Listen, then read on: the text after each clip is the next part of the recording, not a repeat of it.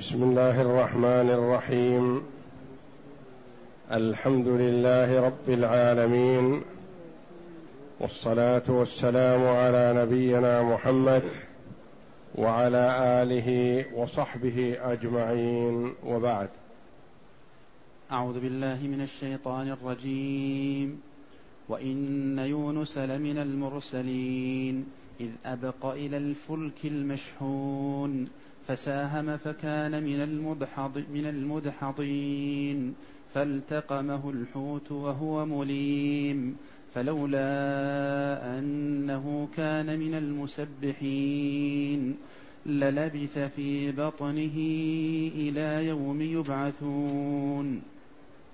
فنبذناه بالعراء وهو سقيم. وأنبتنا عليه شجرة من يقطين وأرسلناه إلى مائة ألف أو يزيدون فآمنوا فمتعناهم إلى حين.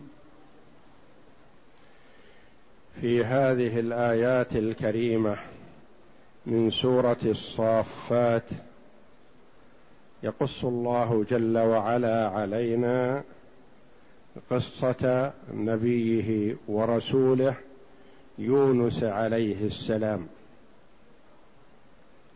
يقول الله تعالى وإن يونس لمن المرسلين.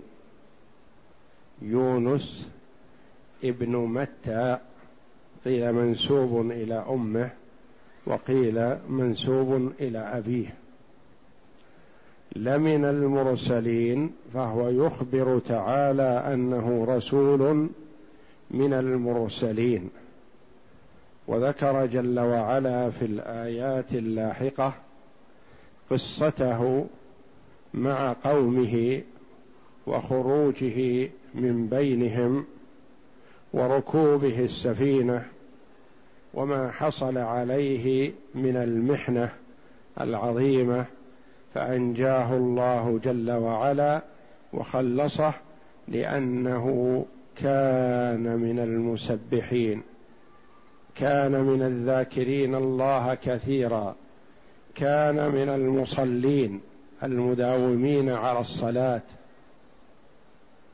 كان من المتعرفين إلى الله جل وعلا بالرخاء فعرفه الله جل وعلا وأنقذه في الشدة. نعم. قال ابن كثير رحمه الله تعالى قد تقدمت قصة يونس عليه عليه الصلاة والسلام في سورة الأنبياء.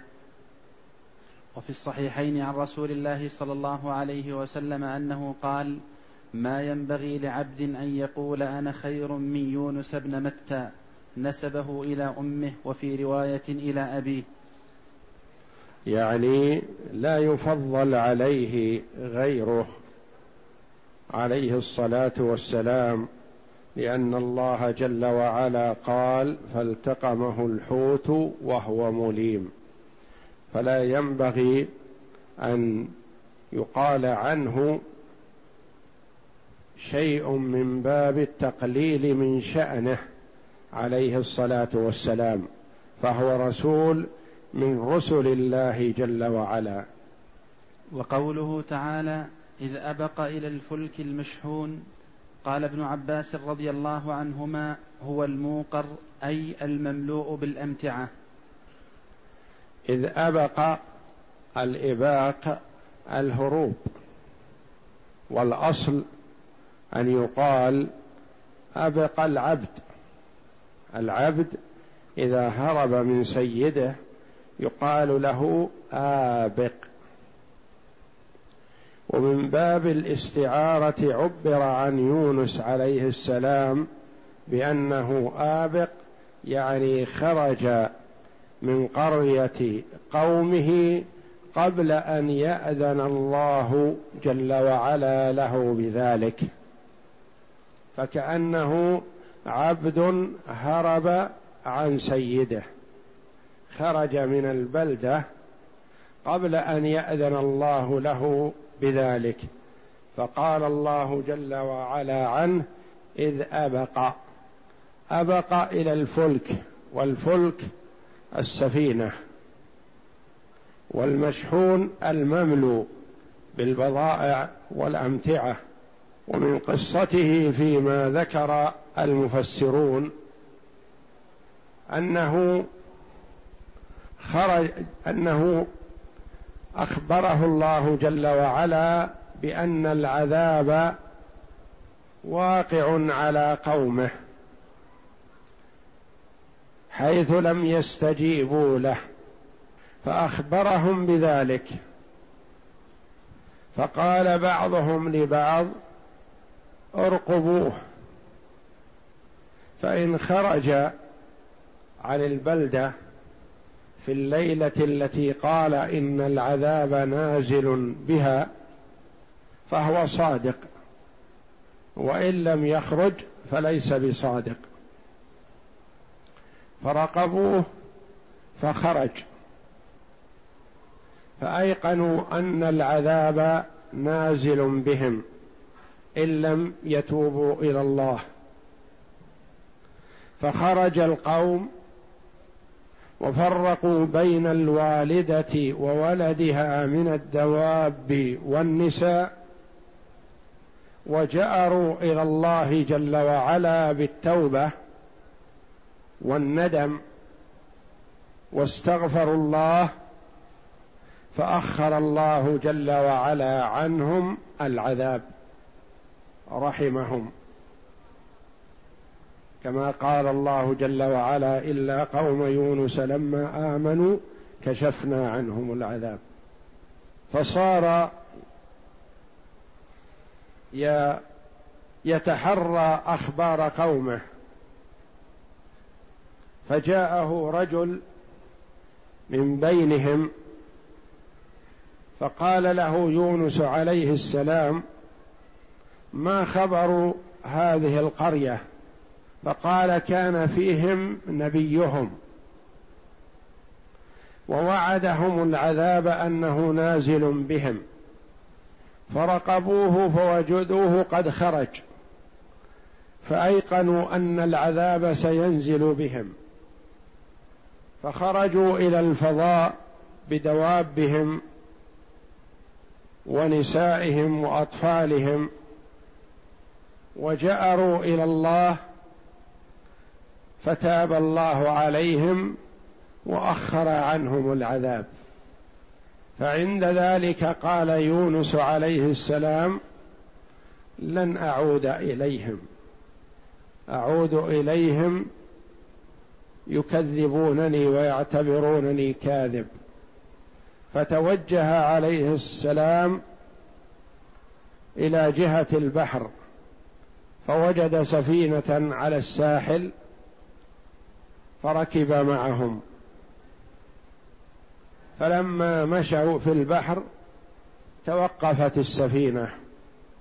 فقال قادة السفينة لا تتوقف في هذا الموطن بدون سبب إلا أن في السفينة آبق هارب. وسنخرجه بالقرعة. ونرميه في البحر. يغرق واحد ولا تغرق السفينة بمن فيها. فاستهموا ليخرجوا الآبق. فخرج السهم على يونس. فرفقوا به. وأعادوا القرعة مرة ثانية. فخرج ليونس. فرفقوا به لعله يخرج لغيره. فاستهموا مرة ثالثة فخرج ليونس. فقال أنا الآبق ورمى بنفسه بالبحر. وكان الله جل وعلا قد أمر سمكة عظيمة أن تأتي فاغرة فاها متحرية متى يلقى هذا العبد الصالح في البحر فتلتقمه.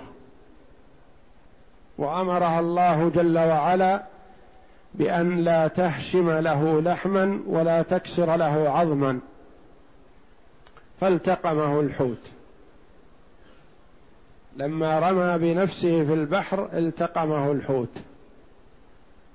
فنادى عليه السلام لا إله إلا أنت سبحانك إني كنت من الظالمين. يقول الله جل وعلا كما في الآيات الأخر فاستجبنا له. فارتفع نداؤه تحت العرش فقالت الملائكة يا ربي يا ربنا هذا صوت ليس بغريب في مكان غريب بعيد. فقال الله جل وعلا لهم أما تعرفونه؟ قالوا لا.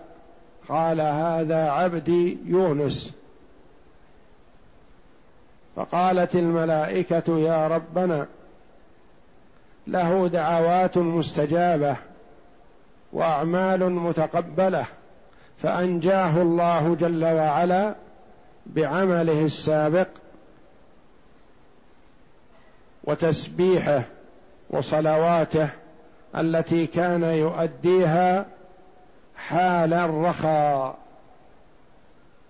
وكما ورد في الحديث تعرف إلى الله في الرخاء يعرفك في الشدة. فأنقذه الله جل وعلا بهذا الحوت وصار يسبح ويذكر الله جل وعلا في جوف البحر في جوف الحوت. حتى أمر الله جل وعلا الحوت أن تقذفه على الساحل. فقذفته هناك وقد صار جسمه كالفرخ المنتوف أو كالوليد من ساعته من يومه. لا يتحمل. فأنبت الله عليه شجرة التي قال الله عنها شجرة من يقطين وهي شجرة القرع أو الدبة لأنها معروفة بأنها شجرة تنبت بسرعة وورقها عريض مظلل وباردة ولا يقربها الذباب لأن جسم يونس لا يتحمل شيئا يمر عليه. فأنبتها الله عليه وهيأ الله له وعله. تمر عليه صباح ومساء فيرضع من لبنها. تسقيه من لبنها حتى قوي وتحمل فنشفت الشجرة ويبست وماتت. فأرسله الله جل وعلا إلى قومه أو إلى غيرهم كما سيأتينا الآن إن شاء الله. فساهم اي قارع فكان من المدحضين أي المغلوبين. وذلك أن السفينه يعني ما عرف الآبق من أهل السفينة إلا بالسهم والمقارعة يميز بها ويرجع إليها في الأمور الشرعية. وكان النبي صلى الله عليه وسلم إذا أراد سفرا أقرع بين نسائه. فأيها خرجت لها القرعة خرج بها صلى الله عليه وسلم. وكذا إذا طلق الرجل امرأة من نسائه ولم يعلم عينها فيقرع بين نسائه فأيها خرجت لها القرعة فهي المطلقة. فيرجع إليها في كثير من الأمور الشرعية عند الاشتباه. فساهم فكان من المدحضين يعني من المغلوبين من الذي وقعت عليه القرعة بأن يرمى في البحر. وهذا الكلام المنصوص عليه في هذه الآيات الكريمة كلام حق لأنه كلام الله جل وعلا. أما ما يذكر قبله وبعده فيحتمل هذا ويحتمل غيره والله أعلم. لكن ما نص عليه في الآية لا يجوز أن يشك فيه لأنه كلام الله جل وعلا وكلام الله جل وعلا لا مجال للشك فيه. لا يظن أنه من القصص المحتمله للصدق والكذب تعالى الله. وإنما ما يقال قبل وبعد من حواشي وربط وكلام يحتمل والله أعلم. كما يقال دحضت حجته يعني انهزم. فكان من المدحضين يعني من المهزومين من الذي وقع عليه الرمي في البحر. نعم. وذلك أن السفينة تلعبت بها الأمواج من كل جانب وأشرفوا على الغرق. فساهموا على من تقع على من تقع عليه القرعة يلقى في البحر لتخف بهم السفينة. فوقعت القرعة على نبي الله يونس عليه الصلاة والسلام ثلاث مرات وهم يظنون به أن يلقى من بينهم. فتجرد من ثيابه يعني لا يحبون أن يلقوه كأنهم احترموه أكرموه بهذا. وإلا لو كان غيره لألقي من أول مرة. ولكنهم أعادوا المقارعة ثانية وثالثة لعلها تخرج لغيره. فتجرد من ثيابه ليلقي نفسه وهم يأبون عليه ذلك. وأمر الله تعالى حوتا من البحر الأخضر أن يشق البحار وأن يلتقم يونس عليه السلام. يعني هذه الحوتة جاءت من بعيد. أمرها الله جل وعلا أن تأتي لتلتقم يونس عليه السلام. فلا يهشم له لحما ولا يكسر له عظما. فجاء ذلك الحوت. يعني ابتلعه بكامله ليخرج سليما بإذن الله. نعم.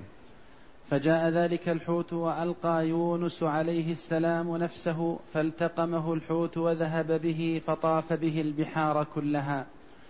ولما استقر يونس في بطن الحوت حسب حسب أنه قد مات ثم حرك رأسه ورجليه. يعني حينما شعر بالظلمة ظلمة البحر مع ظلمة بطن الحوت ظن أن هذا هو الموت وأنه مات وانتهى. فبدأ يحرك أجزاء من جسمه فوجدها تتحرك والميت ما يحرك شيء. فعرف أنه لا زال حيا عليه السلام. نعم. ثم حرك رأسه ورجليه وأطرافه فإذا هو فإذا هو حي. فقام فصلى في بطن الحوت وكان من جملة دعائه يا رب اتخذت لك مسجدا في موضع لم يبلغه أحد من الناس. واختلفوا في مقدار ما لبث في بطن الحوت فقيل اختلفوا في ماذا بقي في بطن الحوت فقيل بقي في بطن الحوت أربعين يوما وقيل عشرين يوما وقيل سبعة أيام وقيل ثلاثة أيام وقيل التقمه صباحا ولفظه مساء. والله جل وعلا لم يتعبدنا بذلك وإنما نعلم يقينا بأن الحوت التقمه وأنه بقي فيهم فترة وأن هذه الفترة أضعفت جسمه وأصبح جسمه كالفرخ وأنه لا يتحمل الشمس ولا الهواء. فأنبت الله جل وعلا عليه هذه الشجرة لأجل أن تظله. حتى يقوى جسمه. نعم. واختلفوا في مقدار ما لبث في بطن الحوت فقيل ثلاثة أيام قاله قتادة. وقيل سبعة قاله جعفر الصادق رضي الله عنه. وقيل أربعين يوما قاله أبو مالك. وقال مجاهد عن الشعبي التقمه ضحى ولفظه عشية. والله تعالى أعلم بمقدار ذلك. وفي شعر أمية ابن أبي الصلت وأنت بفضل منك نجيت يونس وقد بات في أضعاف حوت اللياليا أمية بن أبي الصلت هذا الذي قال عنه النبي صلى الله عليه وسلم آمن شعره وكفر قلبه. يعني كان عنده علم من الكتب السابقة وهو شاعر مجيد فكان يتحرى أن تكون النبوة له في العرب ويتحرى ذلك وكان عنده شيء من الإيمان بما علم من المعلومات السابقة ويعرف الله جل وعلا لكنه لما بعث النبي صلى الله عليه وسلم ولم يكن تكن النبوة له شرق بدعوة النبي صلى الله عليه وسلم فلم يؤمن. وقوله تعالى فلولا أنه كان من المسبحين للبث في بطنه إلى يوم يبعثون. فالتقمه الحوت وهو مليم. التقمه يعني ابتلعه. وهو مليم يعني ملوم. يعني ملوم في خروجه. لأنه خرج عليه السلام بدون أن يأذن له ربه. خرج من قريته. والنبي صلى الله عليه وسلم كما عرفنا أنه كان يتحرى عليه الصلاة والسلام أن يؤذن له بالهجرة إلى المدينة ولم يخرج بل بقي بمكة وكان يأتيه من يستأذنه. من الصحابة رضي الله عنهم فيأذن لهم في الهجرة. فلما جاء أبو بكر رضي الله عنه يستأذنه مع مثل من يستأذن. قال له النبي صلى الله عليه وسلم انتظر لعلك تجد لك صاحبا. النبي صلى الله عليه وسلم كان يتحرى أن يؤذن له ولم يؤذن له بالهجرة فلم يخرج. وكان يرغب في صحبة أبي بكر في هجرته عليه الصلاة والسلام لفضل أبي بكر الصديق رضي الله عنه. فأمره النبي صلى الله عليه وسلم بأن ينتظر لعله يكون له صاحب. فلما أذن له أخبره بذلك صلى الله عليه وسلم وخرج أبو بكر رضي الله عنه بصحبة النبي صلى الله عليه وسلم وكان من أمرهما ما كان مما أكرم الله جل وعلا به رسوله صلى الله عليه وسلم وصاحبه. فكان كما قال الرسول صلى الله عليه وسلم لأبي بكر ما ظنك باثنين الله ثالثهما. نعم. قيل لولا ما تقدم له من العمل في الرخاء قاله الضحاك بن قيس وأبو العالية ووهب بن منبه وقتاده وغير واحد واختاره ابن جرير.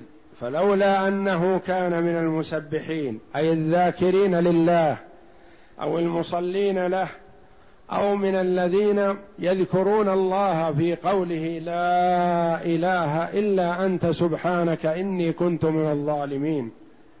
وقيل كان من العابدين يعني من المسبحين من الذاكرين أو من المسبحين المصلين أو من المسبحين العابدين. ولا منافاة بينها لأن الذاكر عابد والمصلي عابد والمصلي مسبح والمسبح مصلي. فلا منافاة بين هذه الأقوال. وقال ابن عباس رضي الله عنهما كل تسبيح في القرآن فهو صلاة. وقد ورد في الحديث الذي سنورده إن شاء الله تعالى ما يدل على ذلك إن صح الخبر. وفي حديث ابن عباس تعرف إلى الله في الرخاء يعرفك في الشدة. وقال ابن عباس يعني المؤمن إذا تعرف إلى الله في الرخاء يعني اجتهد في الأعمال الصالحة وقت الرخاء وقت الصحة وقت العافية وقت سعة الرزق. فالله جل وعلا يعرفه إذا احتاج والعبد محتاج إلى الله جل وعلا لكن عند البلاء يكون أشد حاجة. بخلاف حال كثير من الناس يتعرف إلى الله عند الشدة يجأر إلى الله في الشدة. وأما في الرخاء فتجده يسرح ويمرح ويترك العبادة وقد يفسق وقد يفجر وقد يؤدي بعض يقوم ببعض المحرمات ينسى ما أوجب الله عليه. تنسيه النعمة تنسيه الصحة. ما يجب عليه. فهذا إذا تعرف إلى الله وقت الشدة قد يلطف الله جل وعلا به وقد يعاقبه لإعراضه عنه. أما المؤمن فهو الذي يتعرف إلى الله في الرخاء فيحفظ الله جل وعلا له ذلك حال الشدة. فإذا جار إلى الله جل وعلا استجاب له ولطف به. وقال ابن عباس رضي الله عنهما وسعيد بن جبير والضحاك وعطاء بن السائب والسدي والحسن وقتاده فلولا أنه كان من المسبحين يعني المصلين. وصرح بعضهم بأنه كان من المصلين قبل ذلك. يعني مصلين قبل ذلك ما هم مصلين في وقت الشدة في بطن الحوت وإلا ورد أنه يصلي في بطن الحوت.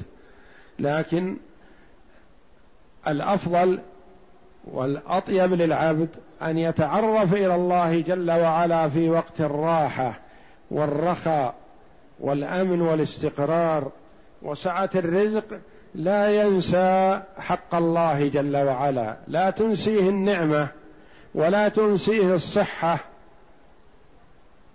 ما أوجب الله عليه يؤدي حق هذا وهذا. يشكر الله جل وعلا.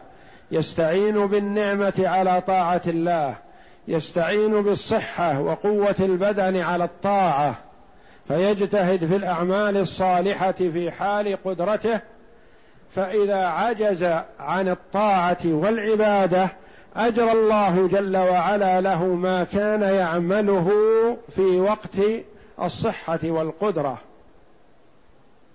كما قال النبي صلى الله عليه وسلم اغتنم خمسا قبل خمس ومنها اغتنم شبابك قبل هرمك يعني قوتك وقدرتك على العمل اجتهد في الأعمال الصالحة. فإذا ضعفت فالله جل وعلا يجري لك ما كنت تعمل من قبل وحياتك قبل موتك وصحتك قبل مرضك لأن لكل شيء ضد. فأنت إذا اغتنمت الصحة تكون مرتاح وقت المرض لأنك قدمت العمل الذي تستطيع وتقدر عليه. ويجرى لك في حال المرض العمل الصالح الذي كنت تعمله في قدرتك وإن لم تعمله الآن.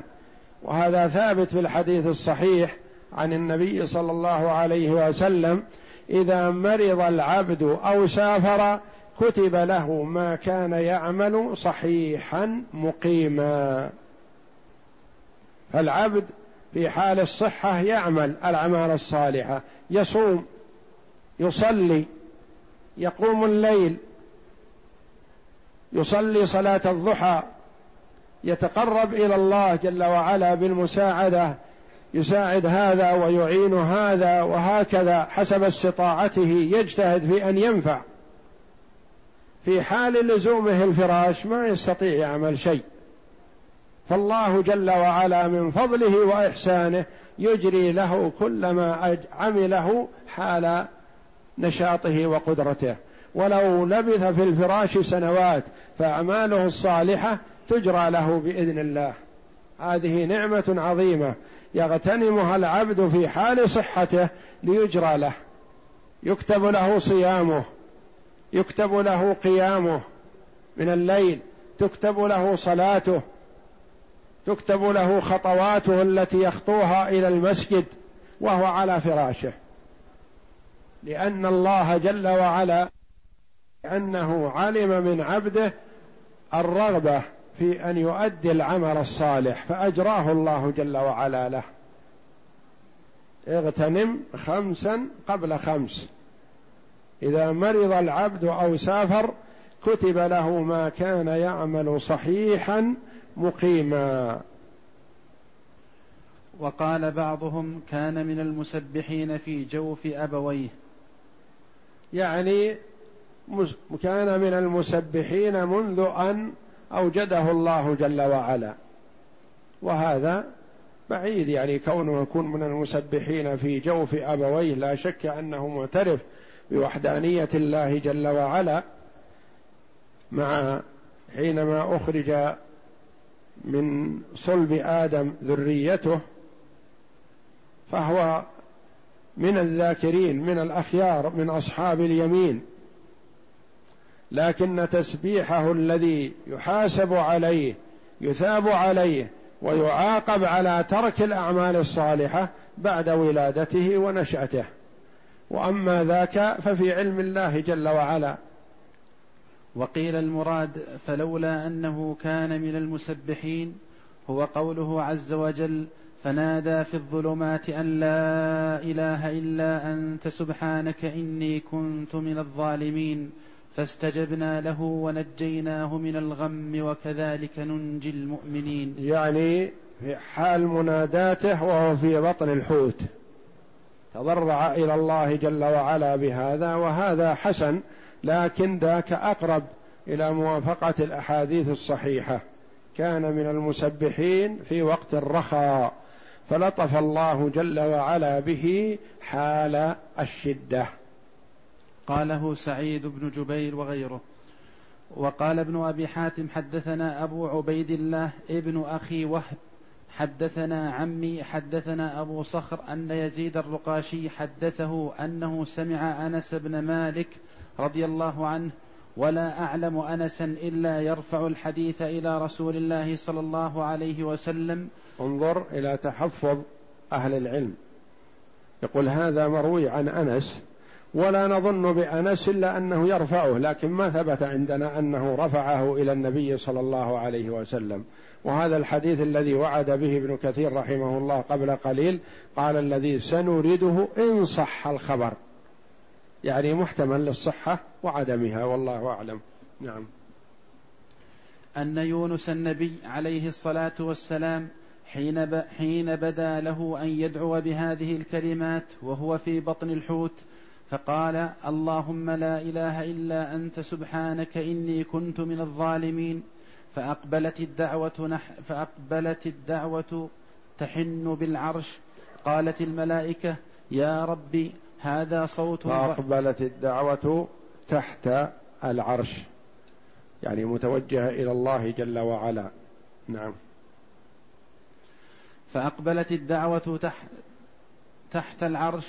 فقالت الملائكة يا رب هذا صوت ضعيف معروف من بلد من بلاد بعيدة غريبة. فقال يعني الصوت ما هو بغريب عليهم الملائكة لكن لا يدرون من هو وهو صوت ضعيف فلا يدرون من أين جاء. نعم. فقال الله تعالى أما تعرفون ذلك؟ قالوا يا رب ومن هو؟ قال عز وجل عبدي يونس. قالوا عبدك يونس الذي لم يزل يرفع له عمل متقبل ودعوة مستجابة. قالوا يا رب أولا ترحم ما كان يصنع في الرخاء فتنجي فتن فتنجيه فتنجيه في البلاء. قال بلى فأمر الحوت فطرحه بالعراء. ورواه ابن جرير عن يونس عن ابن وهب به. زاد ابن أبي حاتم قال أبو صخر حميد بن زياد فأخبرني ابن قسيط وأنا أحدثه هذا الحديث أنه سمع أبا هريرة رضي الله عنه يقول طرح بالعراء وأنبت الله عز وجل عليه اليقطينة. قلنا يا أبا هريرة وما اليقطينة؟ قال شجرة الدباء شجرة الدباء يعني شجرة القرع. نعم. قال أبو هريرة رضي الله عنه وهيأ الله له أروية وحشية تأكل من خشاش الأرض من أو خشاش. أو قال هشاش الأرض. هشاش نعم. وعلة يعني أنثى الوعل. نعم. قال فتت قال فتتفشح عليه فترويه من لبنها كل عشية وبكرة حتى نبت. وقال أمية بن أبي الصلت في ذلك بيتا من شعره وهو فأنبت, فأنبت يقطينا عليه برحمة من الله لولا الله ألقي ضاحيا. وقد تقدم حديث أبي, أبي هريرة رضي الله عنه مسندا مرفوعا في تفسير سورة الأنبياء. ولهذا قال تعالى فنبذناه أي ألقيناه بالعراء قال ابن عباس رضي الله عنهما وغيره وهي الأرض التي ليس قوله للبث في بطنه إلى يوم يبعثون فلولا أنه كان من المسبحين للبث لولا ما كان له من عمل صالح من قبل لبقي في بطن الحوت إلى يوم البعث. لبقي حيا أو بقي ميتا فصار قبرا له قيل هذا وقيل هذا. لكن الله جل وعلا لم يبقيه هكذا لما قدمه من العمل الصالح. فلولا أنه كان من المسبحين للبث في بطنه بطن الحوت إلى يوم يبعثون إلى يوم القيامة. ولكنه كان من المسبحين فلم يلبث في بطن الحوت. قال الله فنبذناه بالعراء وهو سقيم. نبذناه. أسند الفعل جل وعلا إليه. والذي رمته في الساحل هي السف هي السمكة الحوت. فهذا استدل به أهل السنة والجماعة على أن أفعال العباد مخلوقة لله جل وعلا وأن الله جل وعلا خالق العباد وأعمالهم. نعم. بالعراء قال ابن عباس رضي الله عنه وغيره وهي الأرض التي ليس بها بناء ليس بها نبت ولا بناء. قيل العراء يعني الفضاء. نبذ بالعراء بالفضاء في مكان ليس فيه ظل ولا شجر ولا جدار ولا بناء. أرض فاضية. وهو سقيم يعني أصابه السقم والمرض بعد خروجه من بطن الحوت. ما يتحمل. فلطف الله جل وعلا به وأضله. نعم. قيل على جانب دجلة وقيل بأرض اليمن فالله أعلم. تحديد الموقع الله أعلم به. قيل في العراق وقيل في اليمن. وهو أرسل إلى جماعة من أهل العراق. نعم. وهو سقيم أي ضعيف البدن قال ابن عبا قال ابن مسعود رضي الله عنه كهيئة الفرخ ليس عليه ريش. كهيئة الفرخ ليس عليه ريش. نجض في بطن الحوت. نعم. وقال السدي كهيئة الظبي حين يولد. يعني ساعة ولادته. ما يتحمل. لو ولد وطرح في الشمس مات. نعم. وهو المنفوس. وقال نعم. وقاله ابن وقاله ابن عباس رضي الله عنهما وابن زيد أيضا وأنبتنا عليه شجرة من يقطين قال ابن مسعود وابن عباس رضي الله عنهما ومجاهد وعكرمة وسعيد بن جبير ووهب بن منبه وهلال بن يساف وعبد الله بن طاووس والسدي وقتادة والضحاك وعطاء الخرساني وغير واحد كلهم قالوا كلهم اليقطين هو القرع. اليقطين هو القرع شجر الدباء نعم. وقال هشيم عن القاسم ابن, ابن أبي أيوب عن سعيد بن جبير وكل شجرة لا ساق لها فهي من اليقطين. يقول القول الآخر هذا ذاك قول الجمهور من الصحابة والتابعين فمن بعدهم أنه القرع. والقول الآخر أنه كل شجرة لا ساق لها أو كل شجرة تنبت في سنة وتموت يعني ما تبقى أكثر من سنة. فيشمل القرع وغير القرع هذا على القول الآخر. لكن ما دام قال القول الأول مجموعة من الصحابة والتابعين فاليقطين القراع نعم. وفي رواية عنه كل شجرة تهلك من عامها فهي من اليقطين. تحدث من عامها يعني تكون سنوية. ما تبقى للسنة الجاية. والسمى يقطين. مثل شجر القرى شجر الخيار شجر آه، العلقم والشري ونحو ذلك من الأشجار التي سنوية. نعم. وذكر بعضهم في القرع فوائد منها سرعة نباته وتضليل ورق يعني أنها تنبت بسرعة وتسير. نعم. وتضليل وتضليل ورقه لكبره ونعومته وأنه لا يقربها يعني لا في ليس فيه شوك. وورقه كبير يظلل ولا يقربه الذباب. نعم. وجودة تغذية ثمره. نعم جودة تغذية ثمره أنه كان مفيد وطيب وورد أن النبي صلى الله عليه وسلم كان يتتبع القرع في الصحفة يعجبه القرع. نعم. وأنه يؤكل نيئا ومطبوخا وقشره أيضا. يؤكل نيء ومطبوخ. نعم. وقد ثبت أن رسول الله صلى الله عليه وسلم كان يحب الدباء ويتتبعه من نواحي الصحفة.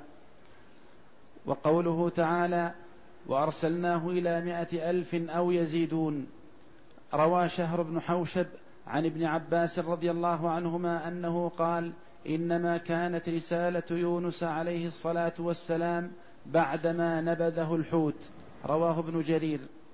هذا قول بأن رسالة يونس عليه السلام كانت بعد ما التقمه الحوت. يعني ما كان رسول قبل أن يلتقمه الحوت. هذا قول. والقول الآخر أن رسالته عليه السلام كانت قبل وبعد. ولعل هذا هو الأقرب. نعم. وقال ابن أبي نجيح عن مجاهد أرسل إليهم قبل أن يلتقمه الحوت. قال نعم. ابن كثير قلت ولا مانع أن يكون الذي أرسل إليهم أولا أمر بالعود إليهم بعد خروجه من الحوت فصدقوه كلهم وآمنوا به. نعم. لأنهم كانوا في الأول كذبوه فخرج من بينهم. ثم رفع الله جل وعلا عنهم العذاب بكونهم جأروا إلى الله جل وعلا. فرفع الله عنهم العذاب.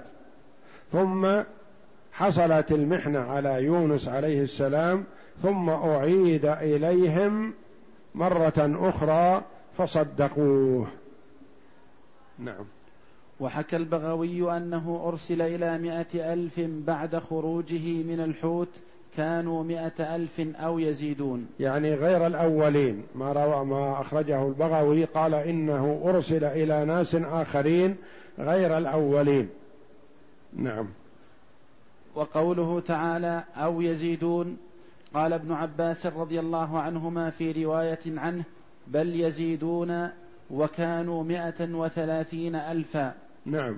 فكلمة أو بمعنى بل. وأرسلناه إلى مائة ألف بل يزيدون. وهذه الزيادة قيل عشرة آلاف وقيل ثلاثين ألف وقيل أربعين. وهذا ليس على سبيل الشك إلا في جانب المخلوق وإلا فإن الله جل وعلا لا تخفى عليه خافية. يعلم كل شيء جل وعلا. وإنما على سبيل لو جاءت على سبيل الشك على سبيل أو مثلا هذا في حق المخلوق. عندما يتخرسهم يقول هل هم يبلغون مئة ألف أو يزيدون؟ فالمخلوق يشك هل هم مئة ألف أو يزيدون عن مئة ألف. وإلا فالله جل وعلا يعلم العدد كما هو حقيقة. وقيل أو هذه بمعنى بل أي أرسلناه إلى مئة ألف بل يزيدون. نعم. وعنه مئة ألف وبضعة وثلاثين ألفا. وعنه مئة ألف وبضعة وأربعين ألفا والله أعلم. وقال سعيد بن جبير يزيدون سبعين ألفا. وقال مكحول كانوا مائة ألف وعشرة آلاف. رواه ابن أبي حاتم. وقال ابن جرير حدثنا محمد بن عبد الرحيم البرقي حدثنا عمرو عن أبي سلمة قال سمعت زهيرا يحدث عن من سمع أبا العالية يقول حدثني حدثني أبي بن كعب رضي الله عنه أنه سأل رسول الله صلى الله عليه وسلم عن قوله تعالى وأرسلناه إلى مائة ألف أو يزيدون قال يزيدون عشرين ألفا ورواه الترمذي عن علي بن حجر عن الوليد بن مسلم عن زهير عن رجل عن أبي العالية عن أبي بن كعب به وقال غريب رواه ابن أبي حاتم من حديث زهير به قال ابن جرير وكان بعض أهل العربية من أهل البصرة يقول في ذلك معناه إلى المئة الألف أو كانوا يزيدون عندكم يقول كذلك كان كانوا عندكم. ولهذا سلك ابن جرير ها هنا ما سلكه عند قوله تعالى ثم قست قلوبكم من بعد ذلك فهي كالحجارة أو أشد قسوة. وقوله تعالى إذا فريق منهم يخشون الناس كخشية الله أو أشد خشية. أو أشد خشية أي بل أشد خشية. نعم. وقوله تعالى فكان قاب قوسين أو أدنى. بل أدنى. المراد ليس أنقص من ذلك بل أزيد. نعم. وقوله تعالى فآمنوا أي آمن هؤلاء القوم الذين أرسل إليهم يونس عليه السلام جميعهم فمتعناهم إلى حين أي إلى وقت آجالهم كقوله جلت عظمته فلولا كانت قرية آمن آمنت فنفعها إيمانها إلا قوم يونس لما آمنوا كشفنا عنهم عذاب الخزي في الحياة الدنيا ومتعناهم إلى حين. فآمنوا فمتعناهم إلى حين. آمنوا صدقوا. وقد يقول قائل كيف قبل الله جل وعلا منهم توبتهم عند نزول العذاب؟ ولم يقبلها جل وعلا من فرعون لما قال آمنت أنه لا إله إلا الذي آمنت به بنو إسرائيل. قيل له آه الآن وقد عصيت قبل وكنت من المفسدين. فاليوم ننجيك ببدنك لتكون لمن خلفك آية. ما قبل الله جل وعلا منه توبته. ما الفرق بينهم؟ نعم الفرق واضح. وذلك أن قوم يونس آمنوا لما عاينوا مقدمات العذاب ما عاينوا العذاب. وأما فرعون فهو قال ما قال لما عاين العذاب. والمسلم إذا تاب من معاصيه أو الكافر إذا آمن وأسلم في حال مرضه يقبل الله جل وعلا منه. أما إذا أسلم وتاب حال معاينة ملك الموت. إذا بلغت الروح الحلقوم فحينئذ لا ينفع. التوبة عند وجود أمارات العذاب تنفع بإذن الله. كمن يتوب حال المرض يقبل الله جل وعلا منه ما لم يغرغر. أما من يتوب عند الغرغرة عندما يرى ملائكة العذاب لا تنفعه التوبة. وليست التوبة للذين يعملون السيئات حتى إذا حضر أحدهم الموت قال إني تبت الآن ولا الذين يموتون وهم كفار. الذي يتوب عند معاينة العذاب لا تنفعه التوبة. والذي يتوب قبل ذلك تنفعه. فقوم يونس عليه السلام آمنوا قبل معاينة العذاب وإنما رأوا العلامات فمتعهم الله جل وعلا وقبل منهم. وأما فرعون فهو قال توبته لما عاين العذاب. والله جل وعلا يعلم ازلا أنه لو رفع عنه العذاب لعاد إلى ما كان عليه. وقال أنا ربكم الأعلى. والله أعلم. وصلى الله وسلم وبارك على عبده ورسول نبينا محمد وعلى آله وصحبه أجمعين.